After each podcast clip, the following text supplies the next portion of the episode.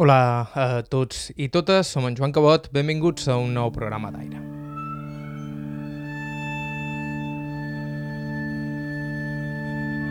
Avui en un format reduït, però amb un personatge enorme. Ella es diu Maria Marí Marí i la vàrem entrevistar a Eivissa el passat abril. I a més de ser una d'aquestes dones d'una humanitat entranyable, amabilíssima, també és una dona vinculada a un lloc emblemàtic de la vida a la Marina, el bar San Juan, l'habitual casa de comides, que et sol dir en castellà, epicentre de la vida social d'aquells carrerons i de la qual els seus pares es van fer càrrec el mateix any en què va néixer na Maria, no a Vila, sinó a Santa Eulàlia des Riu. Duen el bar de cine allí, que en el costat també hi havia la fonda de Can Costa, que era d'un tio d'ell, de sa mamà, i entre i entre uns i els altres pues, estaven a Santa Eulària llavors papa va baixar, no sé per què li va donar per baixar a Vila fer de, de, de tabernero, no ho sé. Quizà perquè ell es camp no, es, es, de pagès no li ha agradat mai treballar perquè ell tenia una finca a Sant Llorenç que la va prendre i se'n va anar a Santa Eulària. I de Santa Eulàlia a Eivissa. I des d'un aparador privilegiat viurien ells i els seus fills i, de fet, també els seus nets, la transformació de l'illa i de Vila. En el programa d'avui coneixerem a través dels records de Maria Marí la història del bar San Juan i també la de la primera tenda de discos d'Ibissa, entre d'altres històries. Estau escoltant Aire a IB3 Ràdio, vos parla Joan Cabot. Començam.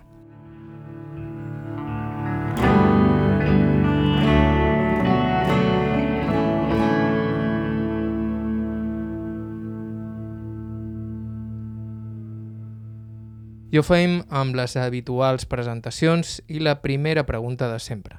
Nom complet i data i lloc de naixement. Això t'ho dic ràpidament. Maria Marí Marí, vaig néixer el 16 de març del 48 a Santa Eulària, de Riu. I vaig baixar a Vila, que tenia 7 mesos. I de, i des de llavors estic aquí. Els meus pares van agafar el bar Sant Juan, en aquella, eh, quan varen baixar a Vila, i el papà abans dues bar de cine de Santa Eulària. Vivien a Santa Eulària, però són de Sant Llorenç, els meus pares. Els meus pares estaven a Santa Eulària, com t'estic dient, i, clar, baixaven a Vila, com és normal. I, i es va Sant Juan era d'un home de Sant Joan, i els que ho portava en aquell moment també era gent coneguda del meu pare. I el papà va baixar a Vila, es veu que li varen dir que ho volien traspassar, perquè en aquell moment va estar així, que li varen, bueno, traspassar o li varen llogar, el que fos. I, i el papà diu que va arribar a Santa Eulària i li diu a sa mamà, Maria, m'ho anem a Vila que m'he quedat a Sant Juan, o sigui que no li va donar opció a sa mamà de dir que no. I tenien el meu germà, que ell és més gros que jo, que té set anys més que jo, i jo. I vam baixant els dos cap a Vila. Com que va aprendre ta mare? Bé, perquè sa mamà també era de molt bona pasta, els dos s'han dut sempre molt bé i molt bé. Sa mamà es va quedar... Quan van agafar es va Sant Juan hi havia una cuinera, una dona major, una dona una cuinera, i es cap de pot temps va dir que no volia treballar més i que ho deixaven. I el papà diu que li va dir a sa mamà, i ara, i ara que, que, que, farem? Diu, amb aquest dio a la cuina i ja està. Sí, sa boixa, sa boixa que era jo, perquè en aquell entonces no havia guarderies Diu, pues ja està, li buscam una niñera, va dir sa mamà, ja està, jo estic a sa cuina sa boixa que la cuidi una niñera. I així va ser. Es va Sant Juan està en el carrer Montgrí de la Marina, que era un carrer super transitat, hi havia molt de negoci, cosa que ara, pues, en estiu sí que hi ha botics i cosa de caixa, però negocis d'abans, queda la llibreria Verdera i es bar Sant Juan, que el dos meu nebot. De l'altre que hi havia eh, eh, allí, que hi havia de tot, hi havia ferrers, hi havia, hi havia carnisseria, botigues de, de, de comestibles, de verduleries, barberies, una bodega, bueno, era un carrer super, super i no queda ningú. Jo només puc dir que és superbé, perquè jo, clar, jo el que t'he dit, que jo tenia una niñera, entonces m'he criat, criat la niña de la calle. Entre cometes, la niña de la calle, però vull dir que totes les meves veïnes, pues, Maruja, que has dinat ja? Sí o no? Bueno, vale, doncs pues vinga, t'aduc. I així, saps? I m'aduen a passejar i quan de casa treballava... Maria, m'enduc a, a Maruja, ah, molt bé. O sigui que jo he estat molt bé, ha estat un barri que és, era molt familiar. Tothom estava, en altres, les, les meves amigues i jo, en estiu, la gent traia les cadires allí seure a la fresca en el bar Sant Juan. Quan ja havien sopat, traien la cadira i seien allí la fresca, perquè era, a la nit no quedava ningú per allí. I en altres ens deixaven jugar pel carrer, hasta que el papà deia, boixes, que vaig a tancar, ala, caduca seua. I hasta que el papà tenia obert, podíem jugar pel carrer. Una volta que el papà deia que ja tancava, caduca seua. O sigui que vull dir que nosaltres, les, les amigues que jo vaig tenir del barri, seguint, seguint igual. El bar està igual. De dins el bar està igual. No s'ha fet obra, o sigui que s'ha fet obra reglamentària, cuina, que t'han fet fer alguna cosa, però el que és en si, el bar està igual. En aquell entonces ja, sí, hi havia bar i, i menjador. I ara, i escat d'un temps, ja varen deixar el bar perquè, clar, era més esclau i només varen fer menjars. I en aquell entonces pues, tenien abonats, que era gent que, que pagava la setmana, i, i molt bé. Pues pensar que el meu pare, el dia, el dia de Nadal, això són coses d'aquelles que tenen recordes, el dia de Navidad, ¿cuántos vais a venir a comer? Perquè ho tenc a saber, per fer dinar, just pas que érem.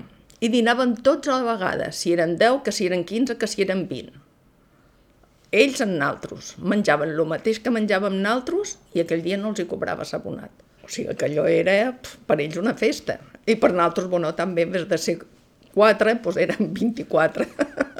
allò era, doncs ja i, i vist quartil de la Guàrdia Civil també en aquell entonces, just davant de casa, que tenien cavalls i tot, hi havia la quadra, i, i, els, i els guàrdies civils que estaven ahí, destinats a Eivissa, que no tenien família, doncs quasi tots també venien a dinar.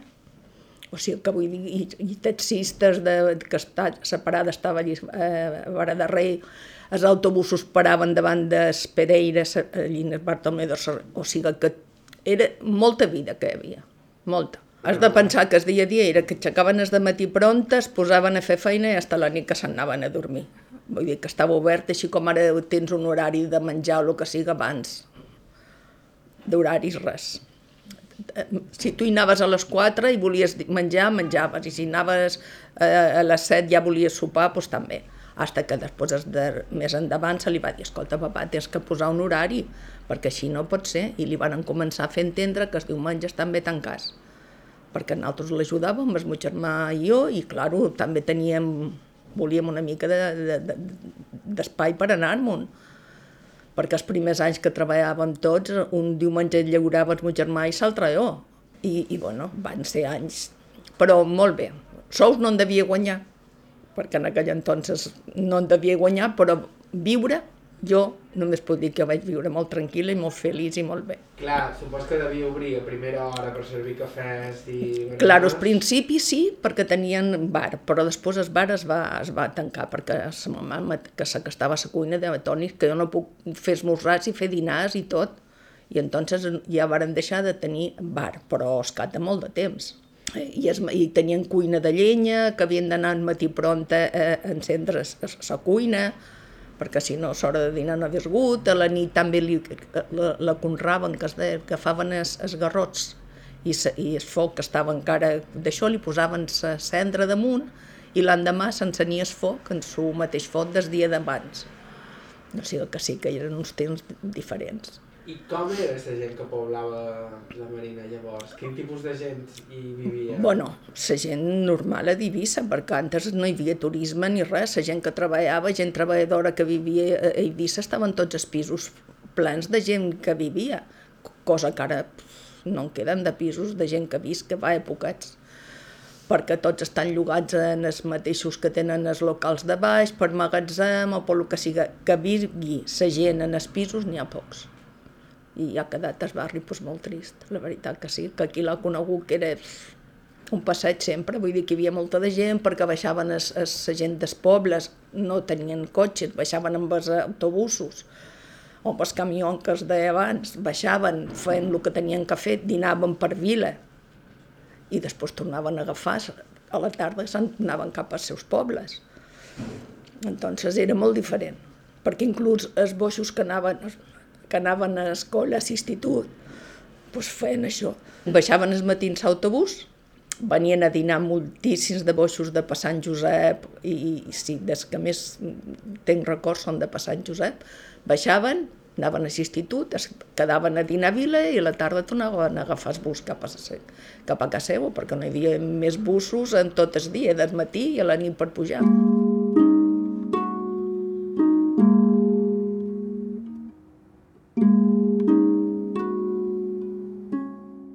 Un d'aquells joves que dinaven cada dia al bar San Juan seria el que en un futur es convertiria en el seu home. Doncs pues mira, el meu home, son pare baixava a Vila i on anaven al bar San Juan, perquè damunt era amic del meu pare.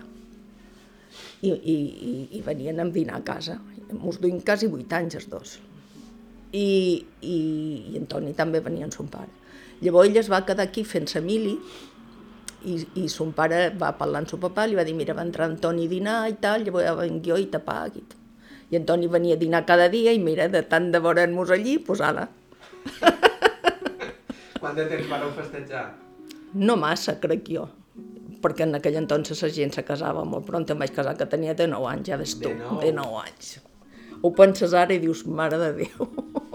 Però bueno, eh, mos varen casar amb una condició, que li va posar el meu pare, perquè clar, en aquella edat, en aquell temps tens que de tenir l'autoritat del teu pare. I el seu pare li va dir, bueno, vale, jo vos deix casar, però amb una condició, que heu de venir a dinar aquí cada dia, si no, no vos deix casar. I això va ser la condició que ens va posar, que anàssim a dinar cada dia allí. No va dir que anàs a fer feina, que anàs a dinar cada dia, si no, no em deixava casar. Na Maria no havia volgut estudiar, va fer l'educació bàsica, però de ben jove ja es va posar a donar un cop de mà al bar. Eh, Jo anava a la graduada, les boixes estàvem, les boixes, jo dic les boixes, anàvem a, la planta baixa i els al·lots en el primer. El recreo també el fèiem, quan nosaltres entràvem ja dins la classe, sortien ells, bueno, dins el recreo tampoc coincidíem. A una hora anàvem uns i una hora anàvem els altres. Però, bé, vull dir que jo tenc l'os que anàvem a la graduada junts i, els, i, i, i, te coneixes de- d'antes i segueixes sent amics i tot, vull dir que, que tals, que, en que no anàssim a la mateixa aula te coneixies, perquè per fora estaves parlant, estaven bé i, i molt bé, però a lo que les classes, separats. I supos que fèieu molt de carrer després dels cap vespre. Claro, és que vivies en el carrer, perquè no hi havia cap problema de, de, que, de el que passa ara, que no pots tenir els boixos en el carrer, i tampoc hi havia maquinetes, ni telèfons, ni històries de caixes. Cotxes poquets, n'hi havia pocs. El meu pare tenia un cotxe dels primers que, que devia, jo que sé, i el va dur de Santa Eulària, i mos posaven jo i les meves amigues al millor allí dins el cotxe com si fóssim allí les marqueses allí dins a, a passar la tarda o riure allí dins el cotxe, saps? Com si, bueno, allò fos. O sigui que nosaltres allí en el carrer hem viscut molt tranquil·les i molt bé. Ha estat una temporada... Jo ho recordo amb molta alegria, vull dir que...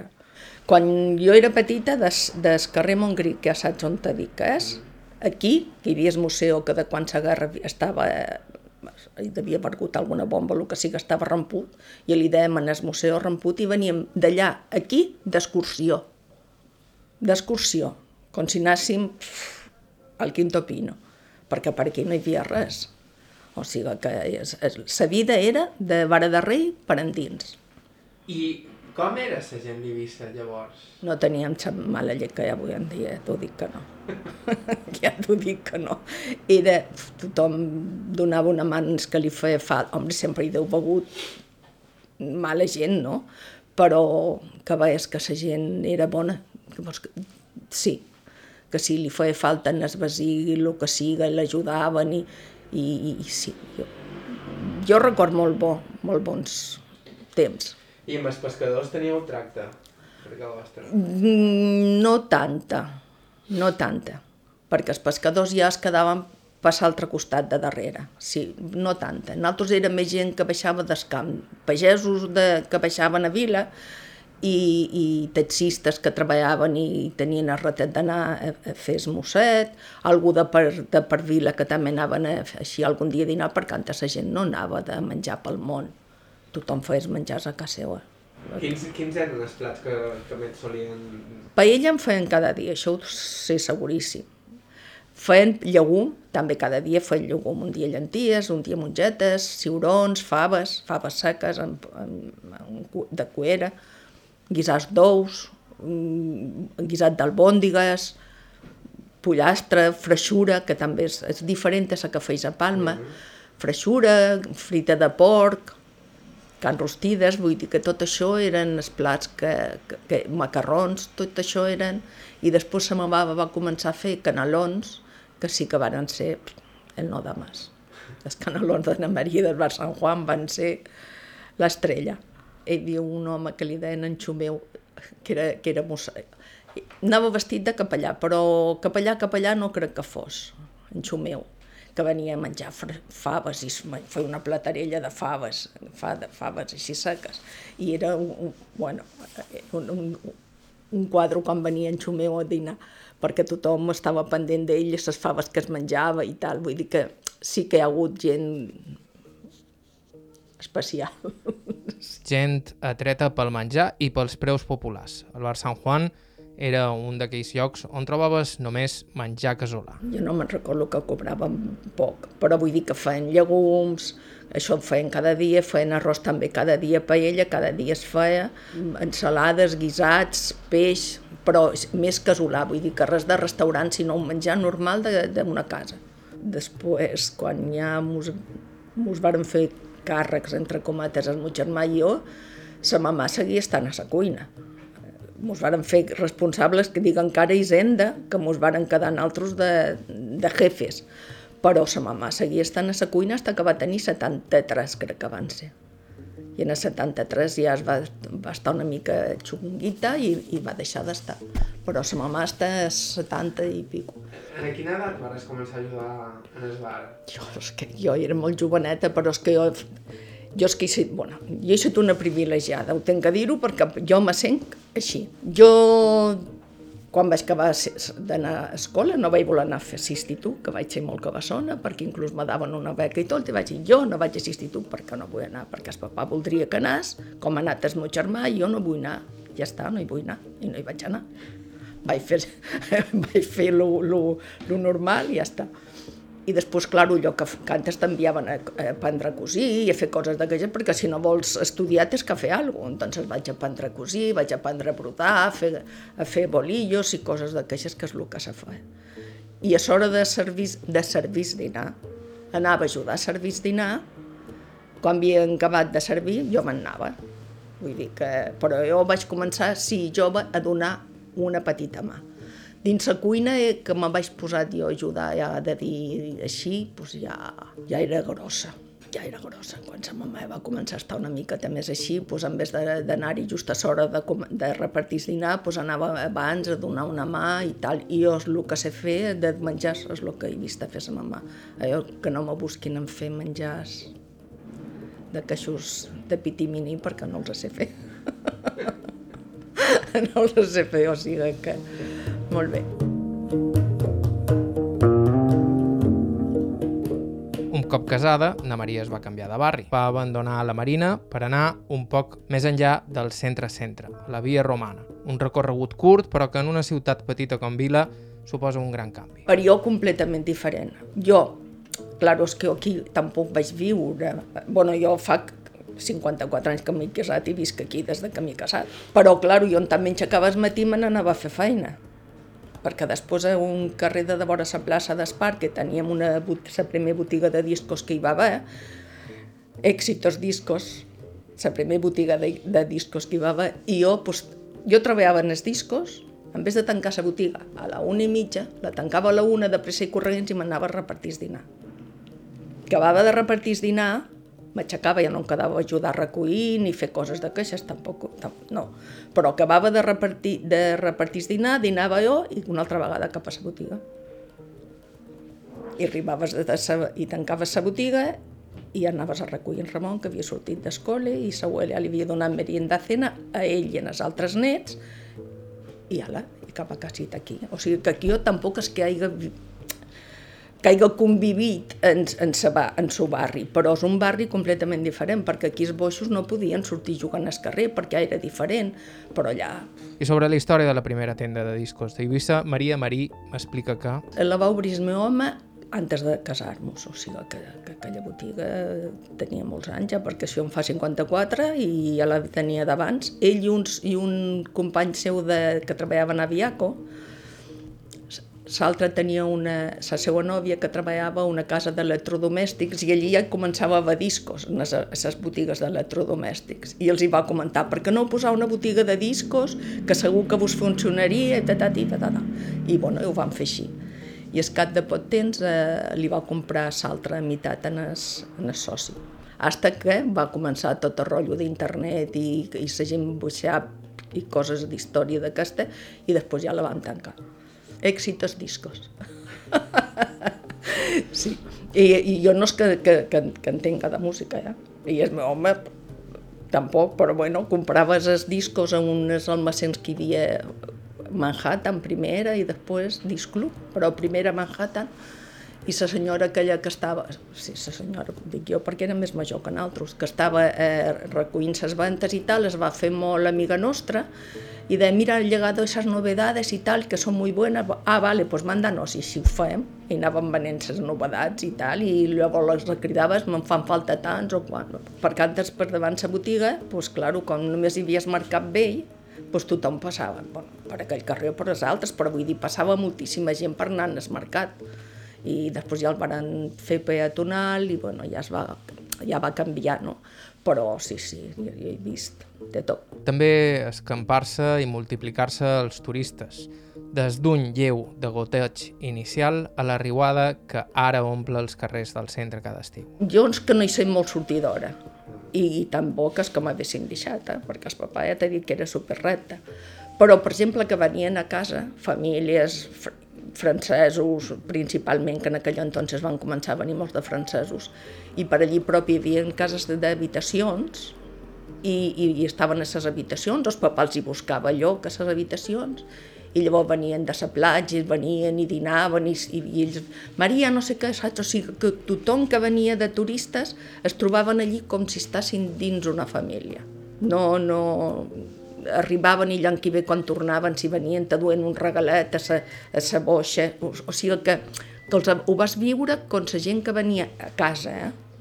Era eh, molt familiar i ho, vaig, ho vas d'això bé, de veritat que bé. Perquè amb altres canvis ella no va estar molt conforme, sobretot amb un, l'arribada de la droga a finals dels 70 i sobretot al llarg dels 80. La droga va esgarrar unes quantes vides a l'illa, entre elles les dels seus cosins. Això sí que jo me va doler molt, saps? Perquè, bueno, jo en Ramon ha set...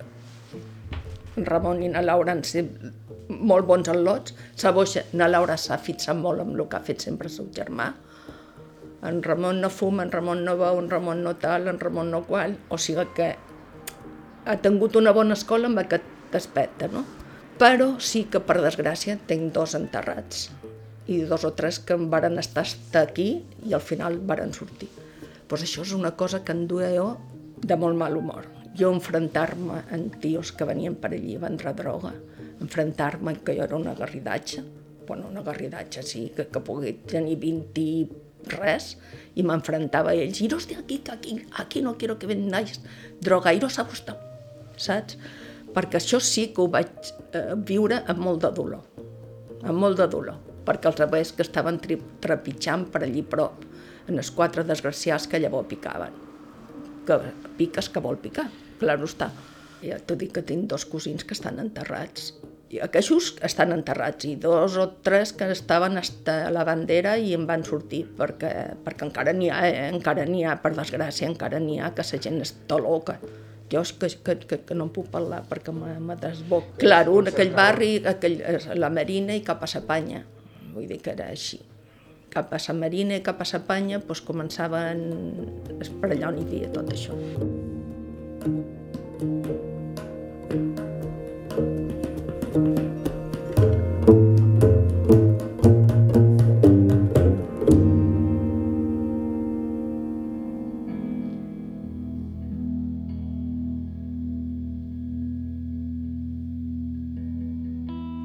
Quan parla dels estralls de la droga, Maria Marí Marí li vull la sang, un resultat col·lateral d'una educació que li deu molt al caràcter dels seus pares. Com eren de caràcter els teus pares? El papà era molt recte, molt recte, perquè si ell te mirava ja en tenies prou. Però en el mateix moment, superbo, superbo. Una, sí, jo t'ho dic que per jo, sa mamà també, eh? A veure si... Sa mamà, però clar, sa mamà, doncs, a lo millor vaig me terrenyava o el que feia el papà, pues, no feia falta que terrenyàs. Si el papà te deia una cosa, te mirava i et deixava que estaves recte. Però bé, un caràcter bo i tot, ja te dic, sí. Molt recte, eh? En altres, vull dir que molt recte. I ell sempre te... Jo me'n record que al millor em donava un, un, un duro. Ja jo te dono que és duro. Però si te'l gastes tot, demà no en tindràs, jo demà no te'n donaré un altre. O sigui que tu has de, de saber administrar-te duro. Vale. Jo sempre tenia algun, alguna, alguna coseta amagada perquè ell m'havia ensenyat eh, que no me'l podia gastar tot avui, perquè si no demà no en tenia. I coses així. I tu no facis res mal fet si no vols que t'ho facin a tu. Tu tens que fer les coses com pensis que t'agradaria que te les fessin a tu. O sigui que tot això són... Mira, el meu abuelo és, està a la catedral, és des que varen matar la catedral. ¿vale? pues el meu pare en la vida, en la vida, m'ha inculcat odi contra ningú. El teu abuelo està allí, va passar això i m'ho va explicar, però mai me va inculcar odio perquè si nosaltres tinguéssim els capaç de que han fet les coses mal fetes, els la faríem igual. O sigui que això ho tinc que dir així, amb una boca així de grossa que en, la vida m'ha inculcat odi. I pens que per això som, que tampoc entenc. Aunque a vegades tens coses que te facin mal de cap, però si tens odi, no dius tranquil. Jo només puc dir que, és, que jo sempre, el papà, ha estat una persona molt correcta, sempre mos ha inculcat fer les coses molt bé i que el que no vulguis per tu no ho facis en les altres. Vull dir que és, jo només me'n recordo moltíssima gent que venia en es, en es bar. Toni, Toni, me deixes... Ja és. I, i a vegades la mamà, pues, li... Toni, una altra vegada! Saps? Perquè li molestava que sempre li... O, o perquè havia de fer de testimoni, vull dir, de, de, per donar-li préstecs i coses de...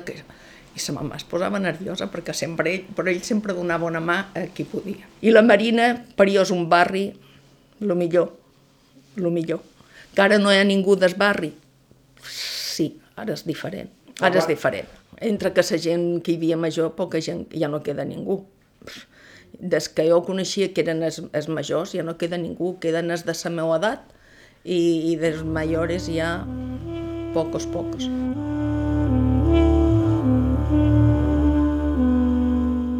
I fins aquí el programa d'avui. Moltíssimes gràcies a Maria Mari Marí pel seu temps i amabilitat i moltíssimes gràcies a la seva filla, Laura Tur, per facilitar-nos el contacte. Com ja sabeu, sempre estem cercant testimonis interessants, així que si ens voleu proposar alguna entrevista ens podeu escriure a aire.ivetresradio.com aire.ivetresradio.com La música que ha sonat avui ha estat de Joshua Abrams, Marisa Anderson i Charles Rumbach. Bàrbara Ferrer a la producció executiva, us ha parlat Joan Cabot, gràcies per ser a l'altre costat i fins la setmana que ve. Mm-hmm.